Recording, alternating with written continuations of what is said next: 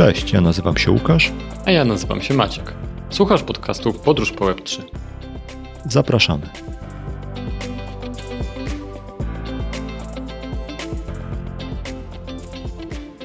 Dzień dobry, Maciu. Cześć Łukaszu. Powiedz mi, jak tam twoje koparki helium? Bo słyszałem, że tutaj coś się, coś się ruszyło. Tak, e, koparki zaczęły się ruszać, to znaczy po ciężkich przeprawach z zakupami w internecie y, hardware'u do kopania. To jest w ogóle, możemy założyć osobny podcast na przeboje Maćka z koparkami i z hardwarem, bo to są po prostu jajca. Jak berety, człowiek jest... Przygody Maćka z helium, będzie się tak nazywał. Albo podróż Maćka po helium, może tak? tak, tak, tak. Po krajobrazie koparkowym. Long story short, tak jak nagrywaliśmy ten podcast o helium jeszcze w zeszłym roku, ja dokonałem zakupu chyba w połowie grudnia. Tak, przedwczoraj dostałem list z Poczty Polskiej, że na.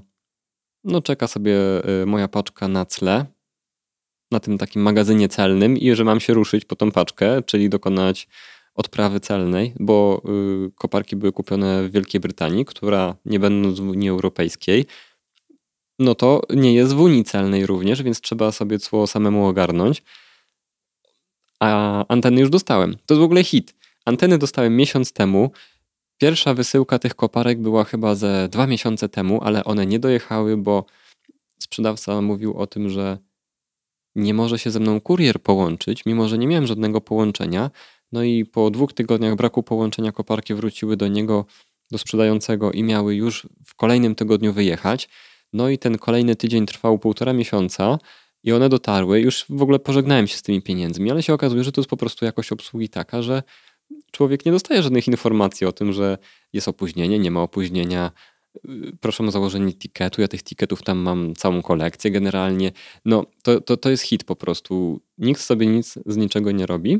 No, po prostu zakładają, że człowiek doczeka swojej kolejki. No, nie mając innego wyboru. Tak zrobiłem. Doczekałem swojej kolejki. Przyszła informacja z poczty, że mogę zacząć to clić, więc zacznę tu clić.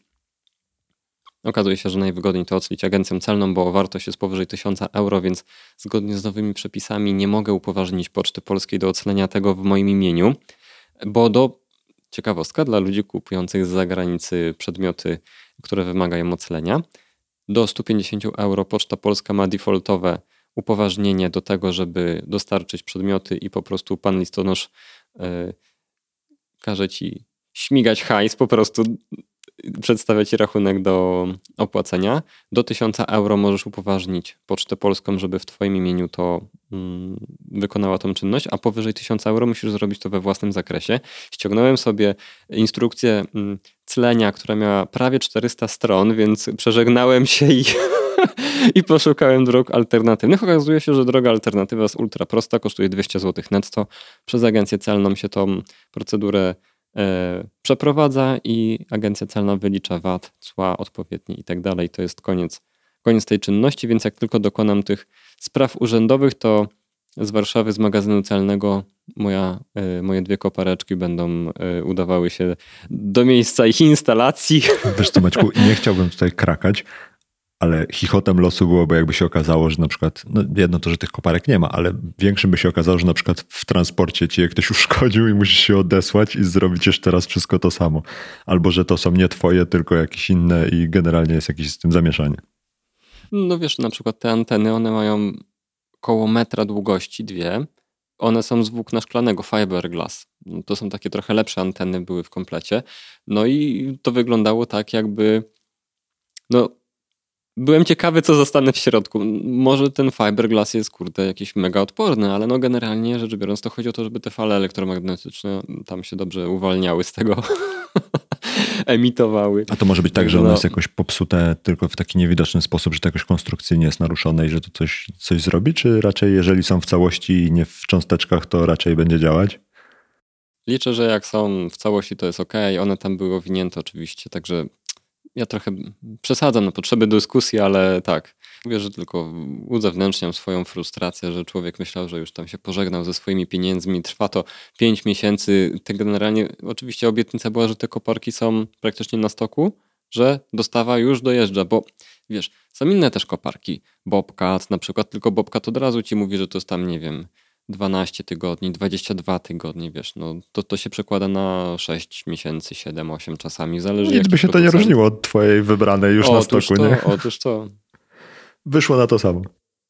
Swoje trzeba odczekać, to jest pewne. Bo Maćku, bo nic, co potem jest wartościowe, nie trwa szybko.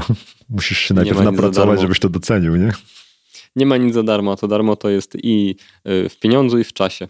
No zobaczymy. Jestem ciekawy, czy je dostaniesz. To jest moja największa ciekawość. A druga, jestem ciekawy, jak już zaczniesz je podłączać i działać, to y, ile jeszcze przygód i przeciwności losu przed tobą, żeby uruchomić to wszystko. Y, Będziemy dawać znać chyba, nie? Tak, tak, tak. Ale to już pewnie będzie niedługo, więc może już za miesiąc y, będzie kawałek odcinka o przebojach Maćka z instalacją koparek, bo muszę kawałek infrastruktury podłączyć w domu, bo muszę sobie kabelki poprzewlekać w odpowiednie miejsca i to będzie wymagało y, wiertła i borowania, także to też będzie Bob budowniczy Maciek będzie w odcinku, także y, stay tuned. Napięcie tylko rośnie, jak u Hitchcocka. Mówiłem ci, Maćku, że już znalazłem ci kolejny projekt. To są e, mapy, Google Mapy Street View robione przez ludzi, którzy podłączają kamerki do Nie swoich samochodów.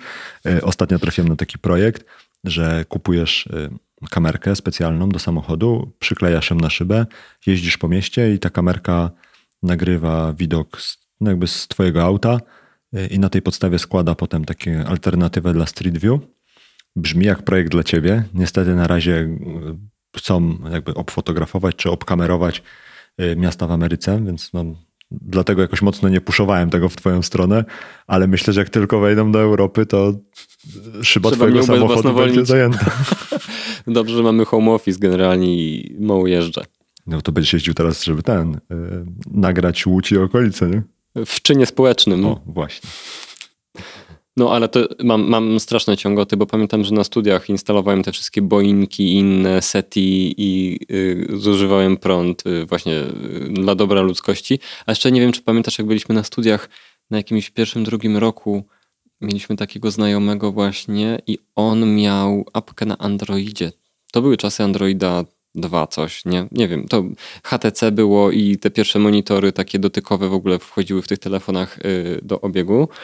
I on miał taką super apkę, że jak, nie wiem tylko czy ona w tle chodziła czy nie, ale zbierała hotspoty Wi-Fi. I też y, chodziło o to, żeby wesprzeć dane geograficzne na podstawie, no jakoś ubogacić te dane na podstawie ID-ków tych rozgła- nazw rozgłaszanych sieci Wi-Fi. Ja pamiętam, że nie mogłem, bo akurat nie miałem Androida, ale byłem strasznie, no wręcz rozważałem zakup Androida, znaczy telefonu z Androidem, żeby być w stanie tą mapkę. O, tam były jakieś ym, To jego wina bonusy finansowe. Tak, no generalnie zaszczepił, zepsuł mnie i od tej pory jestem zepsuty.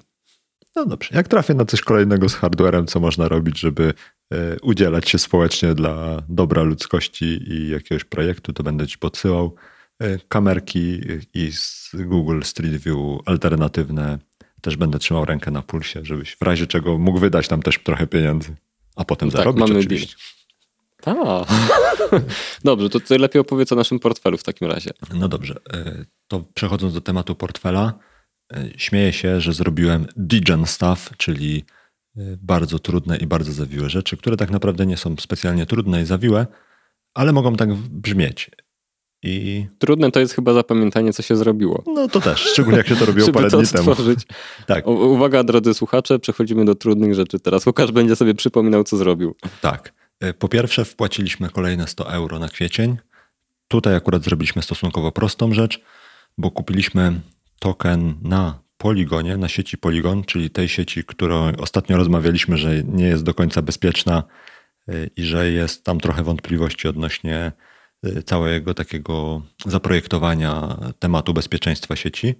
No ale niemniej jednak no jest to jedna z topowych sieci, która jest alternatywą dla Ethereum, bo jest drugą warstwą i no jakby opłaty nas nie zjedzą.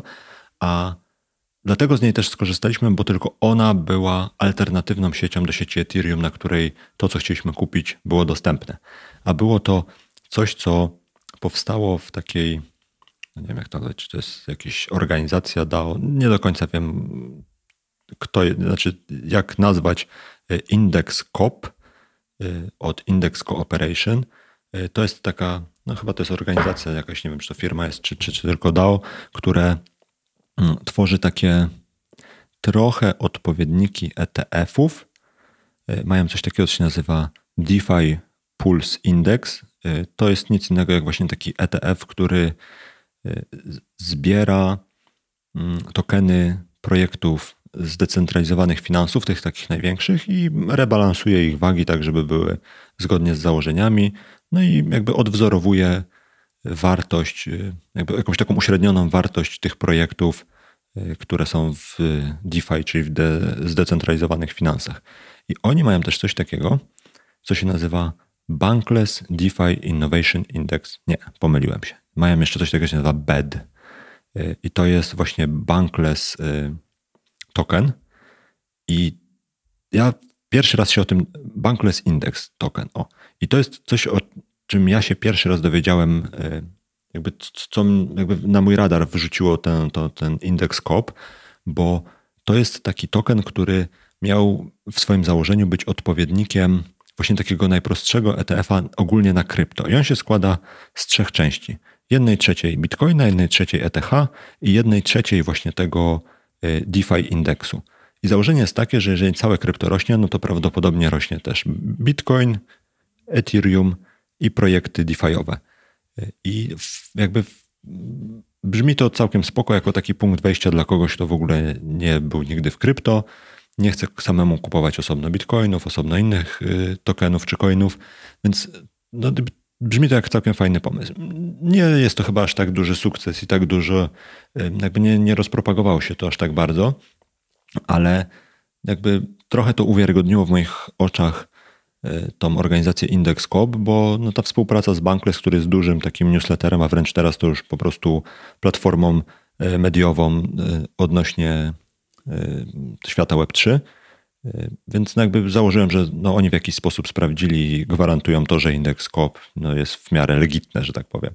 I oni mają coś takiego, co się nazywa ETH2X Flexible Leverage Index. I co to jest? To jest ciekawy token, w sensie przynajmniej tak od strony ideologicznej brzmi ciekawie, bo to jest token, który ma za zadanie odwzorować używanie tokena ETH na dźwigni, czyli y, ulubionego narzędzia wszystkich traderów. Więc y, chciałem trochę liznąć tego świata y, tradingu, więc stwierdziłem, że zaczniemy od czegoś takiego prostego. I to, co się dzieje pod spodem, to jest tak, że w ramach tego, tego, tego tokenu pod spodem jest kupowane Ethereum. Pod zastaw tego Ethereum kupionego jest brana pożyczka i za tą pożyczkę jest dokupowane jeszcze więcej Ethereum, które następnie jest stejkowane. Więc założenie jest takie, że powiedzmy mamy za 1000 dolarów kupionego Ethereum, zastawiamy to Ethereum na powiedzmy 50%, czyli za, dostajemy za zablokowanie w ramach pożyczki 1000 dolarów Ethereum, dostajemy 500 dolarów USDC na przykład. Za to 500 dolarów USDC dokupujemy jeszcze Ethereum i realnie za 1500 dolarów, znaczy 1500 dolarów w Ethereum wrzucamy do zastejkowania. Dzięki czemu jakby obracając tymi pieniędzmi i korzystając z pożyczki, jakby mamy większą dźwignię, bo ta dźwignia powinna wahać się od 1,7 do 2-3 raza e, zwykłe Ethereum. I oczywiście jest tutaj trochę zagrożeń i trochę problemów, ale na testy stwierdziłem, że to będzie dobry pomysł, żeby tego liznąć, że tak powiem.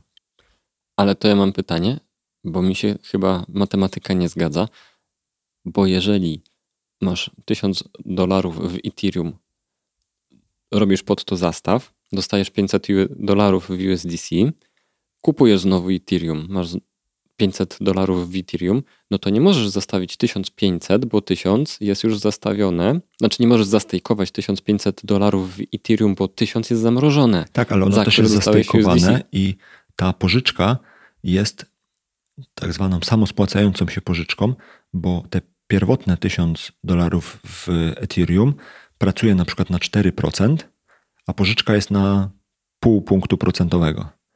Więc tam to jest zastejkowane, spłaca pożyczkę i jeszcze generuje do tego, no powiedzmy, te plus 3,5% zysku, a to kupione za pożyczkę ETH generuje 4%. Więc y, no jakby założenie jest takie, że ta pożyczka się szybciej spłaci, jakby już jej nie będzie i po jakimś czasie jakby całe półtora tysiąca dolarów ETH będzie naszym zastejkowanymi, zastejkowaną kwotą. No nie, bo to działa w ten sposób, że jeżeli wrzucasz zastejkowane ETH jako zastaw do pożyczki, to mm, w momencie, w którym ta pożyczka się spłaca, to zastejkowane ETH wraca do ciebie. W sensie ty znowu stajesz się właścicielem tego zastejkowanego ETH. Y, oczywiście to się dzieje pod spodem i jakby ten token tylko odwzorowuje jakąś wartość tego, co się dzieje pod spodem, że tak powiem. No nie? Więc to nie jest tak, że my fizycznie mamy to zastejkowane. To jakby to piszą na stronie, że w taki sposób to funkcjonuje. Oczywiście może się okazać, że y, to jest jednak jakiś skam albo ktoś tego nie dopatrzył i że to się dzieje w zupełnie inny sposób, ale y, no to jest jakby jedno z zagrożeń, czyli naszego ulubionego tematu, ale założenie jest takie, że to, co się dzieje z tym, to jest dokładnie tak, że podzastaw ETH w kompoundzie czyli w takim projekcie jest y, pożyczany USDC, to USDC jest y, wymieniane na Ethereum i potem to jest znowu deponowane z powrotem do tego compounda. No i oczywiście w zależności od tego, y, jaki jest horyzont czasowy, tego, co, bo to się dzieje co jakiś czas, co jakiś interwał czasu, no to jakby są też jeszcze różnice przy kupnie i przy sprzedaży. W teorii od 1,7 do 2,3 dźwigni mamy na takim Ethereum, czyli Powiedzmy, jeżeli Ethereum urośnie o 10%, to ten token w założeniu powinien urosnąć o od 17 do 23%, tak przy takiej bardzo uproszczonej matematyce, y, na takim bardzo. Y, tu, tu jest dużo zaokrągleń, że tak powiem. No nie? Z drugiej strony, jeżeli on spadnie, no to tak samo ta dźwignia działa też w drugą stronę, czyli w teorii nasze spadki będą trochę większe. Więc to jest to, co zrobiliśmy z pieniędzmi z kwietnia. No bo mówię, chciałem trochę liznąć tych tematów takich około traderskich, a to brzmi jak taki zamoczenie dużego palca u stopy w jeziorze tradingu. Y, musisz zobaczyć, jak wygląda ten y, zły diabeł, tak? Tak. Muszę go poznać, żeby potem, żeby potem wiedzieć, czy go lubię, czy jednak go nie lubię. Więc to jest... Jak z narkotykami. Musisz najpierw tak spróbować, mówisz? czy są dobre. Tak. Czy, czy koledzy mieli rację, czy nie mieli racji. Jak to z nimi jest? Nie będę się Maćku z tobą zadawał, bo tutaj zaczyna być niebezpiecznie. Oj nie, od, obcenzurują To jest nas. na poligonie po to, żeby no jakby obracanie z odpowiednikiem 100 euro nie zjadło, e, jakby, żeby większość tej kwoty nie zjadły opłaty za gaz, bo na poligonie opłaty za gaz są bardzo niskie. Jest też odpowiednik tego samego tokena, tylko na Ethereum. To były e, ruchy pieniędzmi z kwietnia. Natomiast robiąc ruchy pieniędzmi z kwietnia, znalazłem 32 USDC na Fantomie. Zapomniane. Tak, zapomniane 32 USDC na Fantomie z lutego. Bo przypomnę, że w lutym za około 70 dolarów kupiliśmy Fantoma i Tomba po 50%. Zrobiliśmy z tego pulę płynności. Tą pulę płynności wstawiliśmy na Tomb Finance i ona sobie pracuje teraz, jak ostatnio patrzyłem, e, przy APY około 150%, generując token T-Share, e, który następnie można albo sprzedać, albo znowu zastejkować w tombie na tam kolejne jakieś APY. No generalnie tak sobie to funkcjonuje, ale zostało nam wtedy 32 USDC. No i teraz te pieniądze paliły mnie w portfel, więc stwierdziłem, że musimy coś z nimi zrobić. I Stwierdziłem, że po pierwsze to wymienię na FTM-a, bo FTM ma jakieś fluktuacje, więc zarówno możemy na nim trochę stracić, ale z drugiej strony możemy też na nim zyskać potencjalnie, jeżeli krypto kiedyś odbije, więc lepiej mieć FTM-a niż mieć USDC. Więc najpierw wymieniłem je na FTM-a. Potem zacząłem zastanawiać się, co zrobić z, z FTM-em, no bo trochę szkoda mi było, żeby leżał sobie tak y, smutny, nieużywany. Więc palenie w portfel po raz tak, drugi. No, wiesz, bo to jest tak, że jak masz takie stosunkowo nieduże kwoty, to aż chce się z nimi coś zrobić, bo ryzyko ich stracenia tak naprawdę jest jakby mało bolesne, a szkoda by było się nie pobawić trochę i nie potestować nowych rzeczy. Krypto pali Łukasza w portfel po raz Więc drugi.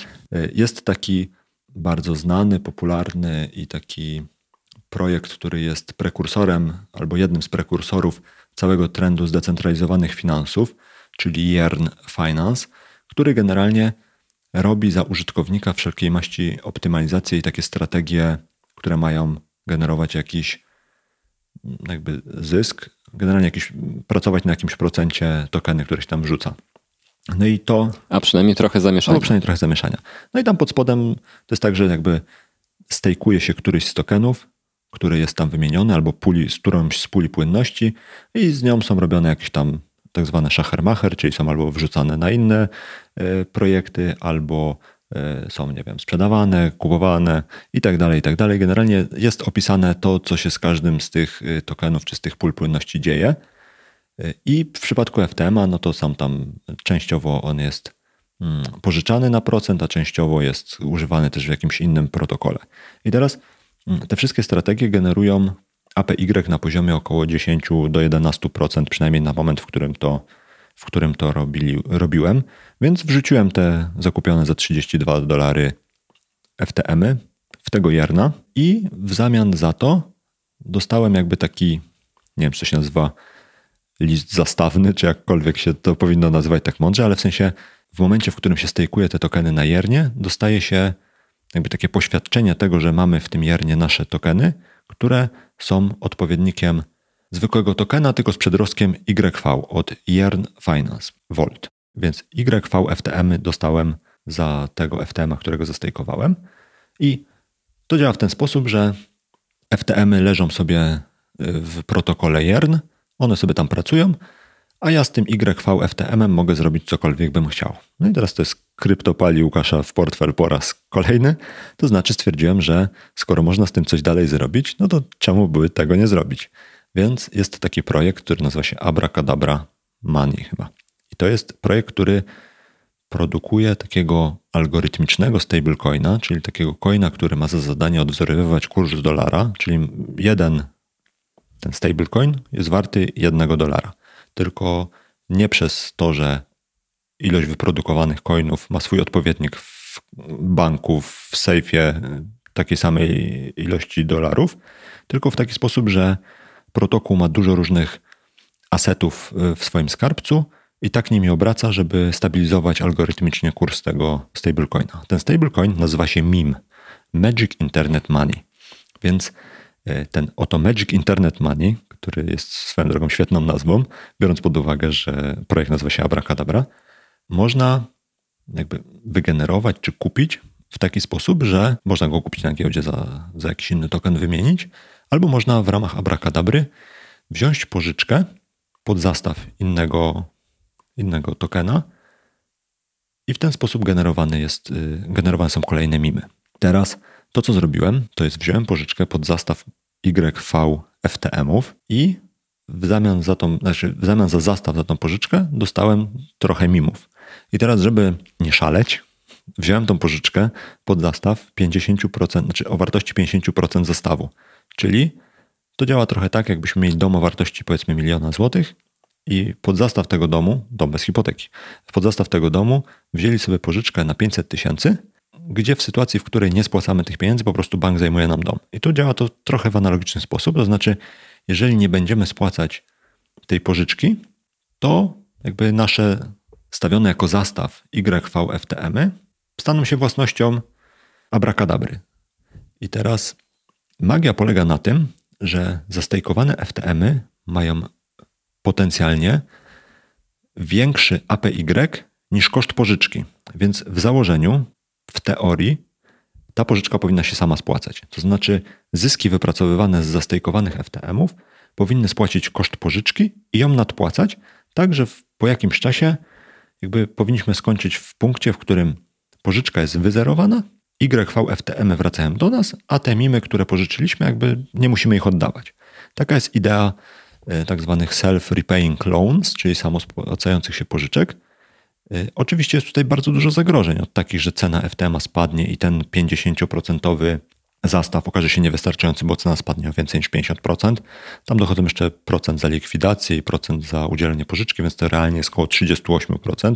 Więc jeżeli cena tokena FTM spadnie o 38% albo więcej, no to, to następuje tak zwana likwidacja i jakby Abracadabra staje się właścicielem naszych YV FTM-ów i FTM-ów, co za tym idzie, y, a nam, nam zostają te mimy. Tak, czary Mary. Czary Mary nie ma kasy. E, I my zostajemy tylko z tymi mimami, a nie, jakby nie możemy w żaden sposób odzyskać naszych YV FTM-ów i co za tym idzie FTM-ów. Y, Więc no takie jest jedno z ryzyk, no nie? Ale no stwierdziłem, że 32 dolary jest warte tego ryzyka i właśnie pod... No nie, jest jeszcze drugie ryzyko. Jest jeszcze drugie ryzyko, bo y, z tego co pamiętam, to Abracadabra jest powiązana z Wonderlandem, który się, no, w, no nie to, że wyzerował już w ogóle, ale no szoruje dnem, szoruje o dno. Jest prawie nic nie warty. No tak, tylko wiesz, tam problemem było to, że y, team założycielski był skompromitowany, że tak powiem, y, a nie to, że był jakiś bug albo coś w tym stylu. Więc no zakładam, że ten problem nam odpada, bo ten team założycielski się już wyczyścił, no, że tak powiem, że samo się oczyścił, no nie? Ze względu na to, że było parę projektów i, i ten Wonderland jakby przetarł szlak oczyszczania całego tego środowiska. Co więcej, y, ta Abracadabra i co za tym idzie MIM jest już takim dość, bym powiedział, jednym z popularniejszych stablecoinów, więc jakby on już zaczął osiągać jakąś taką masę krytyczną, która trochę przynajmniej mm, no jest szansa, że zwiększa prawdopodobieństwo tego, że się nie przewróci, bo już było trochę spadków, między innymi tego e, projektu Wonderland, którego Abracadabra też miała w swoim skarbcu. Ten tak zwany PEG, czyli utrzymywanie wartości mima do dolara, no jakby został z grubsza zachowany. Nie było tam jakichś wielkich wahnięć. Więc mam takie poczucie, że jest już względnie sprawdzony w boju ten protokół, dlatego uznałem, że jakby jest to względnie bezpieczny zakład, szczególnie biorąc pod uwagę, że to nie są oszczędności mojego życia, ani zastaw mojego domu czy mieszkania. Więc zastawiłem te około 32 dolary w YVFTM-ie. Wziąłem y, pożyczkę, która wyszła ostatecznie w okolicach 14 chyba US, znaczy dolarów w formie mimów. Te mimy sprzedałem, kupiłem za nie token BU, czyli token najpopularniejszej i największej giełdy w blockchainie Phantom, czyli Spooky Swapa. Jest to Dodajmy, że to jest token, który jest e, znany naszym drogim słuchaczom z portfela prezentowego Maćka. Tak, dokładnie. To jest ten token, który ty kupiłeś i, i ulokowałeś w portfelach prezentowych. Y, Ten token jakby w taki sposób zyskuje na wartości, że on jest de facto udziałem w zyskach z giełdy SpookySwap. I teraz to, co z tym tokenem następnie zrobiłem, to jest w ramach giełdy SpookySwap znowu zastejkowałem ten token po to, żeby on nie był w obiegu, tylko żeby był zamknięty w ramach tej giełdy, żebym mógł otrzymywać jakby z- zyski z y, obrotów na giełdzie. W zamian za zastejkowanie dostałem znowu taki list poświadczający, że zastejkowałem w postaci tokenu XBU. I teraz myślałem, że tutaj skończy się cała magia, natomiast okazało się, że token XBU jest z dużą chęcią wykorzystywany przez inne protokoły na Fantomie, prawdopodobnie do zarabiania na puli płynności XBU z czymś. I teraz można ten token XBU przez interfejs na giełdzie SpookySwap wrzucić do jednego tam z kilku czy kilkunastu protokołów, które jakby z chęcią przyjmą ten token, właśnie pewnie po to, żeby zrobić z niego pary płynności albo jakieś inne manewry, które mają generować jakiś zysk. Więc stwierdziłem, że skoro już mam token XBU w zamian za zastejkowanie BU, to wrzucę go do projektu Liquid Driver, który jest znowu takim kolejnym klockiem w tej piramidzie wszystkich projektów DeFi'owych, czyli takim projekcie, który zbiera różne pule płynności w ramach, y, znaczy zbiera jakby zyski z tych pól płynności i wypłaca je w formie tokenu LQDR od Liquid Driver. I na tym się skończyły całe moje zabawy, więc tak oto z 32 y, USDC doszliśmy do momentu, w którym generuje nam się token LQDR, bo tak cały ten łańcuszek przebiega. I teraz I czy to wszystko? Tak. To już? No, tak, to już wszystko. Mógłbym jeszcze pomyśleć coś, co zrobić z tokenem LQDR, bo jego też można jakby odbierać i potem stejkować i wybierać e, opłatę z zestejkowanego tego tokenu LQDR w formie kolejnych tokenów, ale to już były tak niskie kwoty, że już mi się nie chciało tego szczerze powiedziawszy robić. Ale wracając do mojego pytania, czy jest mądre? 6 na 10. Y, może jest, może nie jest. W sensie takim, że y, wraz z kolejnymi tymi krokami jakby rośnie wręcz wykładniczo ryzyko tego, że coś pójdzie nie tak. To znaczy, że w którymś projekcie będzie jakiś, jakiś bug, jakiś problem, że gdzieś się pojawi coś nieprzewidzianego i wtedy cała ta piramida się sypie. Z drugiej strony, potencjalnie w taki sposób y, z 32 y, pierwotnych dolarów jesteśmy w stanie generować no pewnie drugie tyle w perspektywie roku, no bo to jest 10% na jernie, y, które nam spłaci pożyczkę i wygeneruje jeszcze jakiś zysk. Y, te mimy jak za stejk, jakby kupione za to BU, które ma 30% około jakby APY przy stejkowaniu, XBU, które ma kolejne kilkanaście procent, więc to wszystko składając się do kupy pewnie da dobre kilkadziesiąt procent potencjalnego zysku y, w perspektywie roku. Czy te potencjalne kilkadziesiąt procent zysku jest warte tego, że wszystkie te ruchy zostały wykonane? Raczej nie. W sensie ja jestem raczej konserwatywny, jeśli chodzi o ruchy finansowe. Dlatego to wszystko zrobiłem, e, ale zrobiłem to dla... Żeby to wykazać. Tak, żeby uwiarygodnić. Z czarno na białym. Tak, żeby moją teorię o sobie uwiarygodnić. E, ale no, większych pieniędzy bym w to pewnie nie ryzykował. No bo tak jak już rozmawialiśmy w tych innych odcinkach odnośnie projektów i zagrożeń z tym związanych, no, tak naprawdę jest tutaj masa potencjalnych zagrożeń. Od tego, że właśnie mogą być bugi w protokołach, że ktoś może coś spróbować zhakować, ukraść, że gdzieś y, spadnie cena FTM-a, w związku z czym jakby zlikwiduje się ta pożyczka w abracadabrze, więc realnie stracimy wszystkie FTM-y, które były zastawem, zostaniemy tylko z 14%, y, z 14 mimami, które są kupione jako BU, ale jeżeli spadnie FTM, to prawdopodobnie BU też spadnie, więc no, może się okazać, że z naszych 32 dolarów na końcu w jakimś punkcie w czasie zostaniemy z kilkoma dolarami y, jakichś dziwnych tokenów. Ale generalnie odradzamy, żeby się nie pchać w krypto. Y, proszę trzymać się z daleka i nie tykać tego długim kijem nawet. Trochę tak, w sensie. Proszę przestać w ogóle nas słuchać proszę teraz. to wyłączyć. E, policja, proszę tu przyjechać.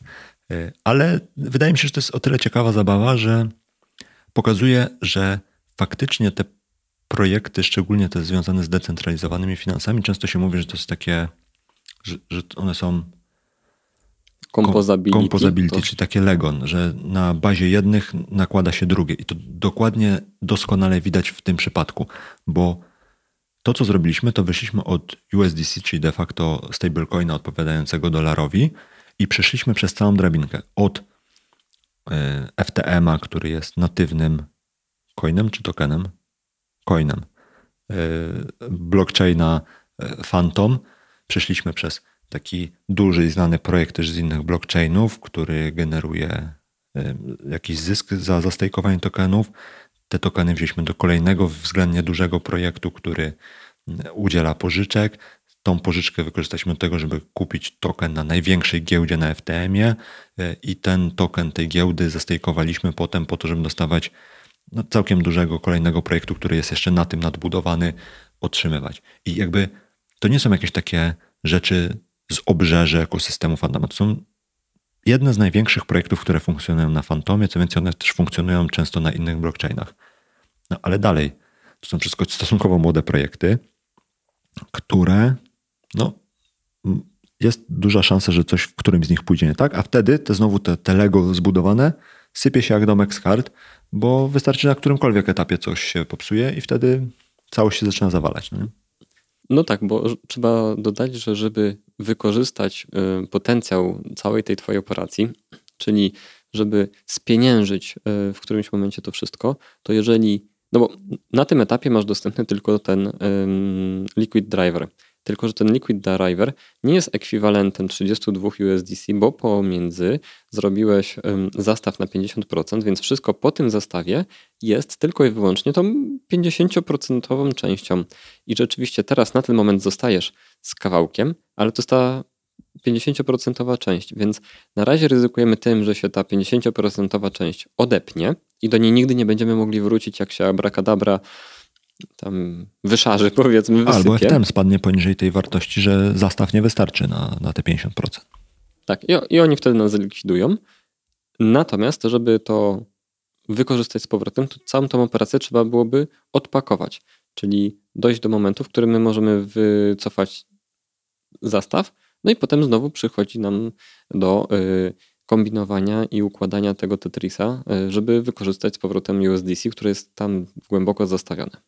Y, przepraszam, Phantom. Tak, ale z drugiej strony, jeżeli powiedzmy będzie znowu hossa na krypto, to to znowu się rozpakowuje w drugą stronę wspaniale. To znaczy 10% potencjalnego zysku na FTM-ie powoduje, że jakby ta samospłacająca się pożyczka spłaca się wielokrotnie szybciej, bo od większej ceny znowu generujemy 10%, więc jakby spada nam y, jakby wartość, którą musimy spłacić, bo to dalej spłacamy jakby 14 mimów, czyli 14 dolarów, więc jeżeli Phantom będzie powiedzmy po 3 dolary, no to automatycznie z naszej pożyczki na aktualnie tam 38-39% zostaje nam na przykład, nie wiem, 8%, więc będzie dużo szybciej, szybsze to do spłacenia. Jeżeli cały ekosystem pójdzie w górę, no to nasze 30% y, na przykład na BU nie będzie 300% od dzisiejszej kwoty BU, tylko na przykład kwoty, nie wiem, 50% większej. Więc potencjalnie ten zysk, ten upside też się multiplikuje na wszystkich tych poziomach, no nie? Więc, no, jak to mówią, na dwoje babka wróżyła. Okej, okay, całe szczęście. że Wszystko tylko na dwoje. sprowadziło się do tego prostego staropolskiego powiedzenia. Więc na dzień dzisiejszy nasz portfel y, wygląda tak, że mamy w nim równowartość około 95 dolarów, czyli jesteśmy powiedzmy 5 dolarów około 5 dolarów pod kreską, no ale też mamy permanentnie lekkie odbicia i lekkie spadki. Generalnie trend jest raczej spadkowy, więc no to też z tego wynika, że wszystkie te nasze inwestycje nie zyskują za wiele, że tak powiem.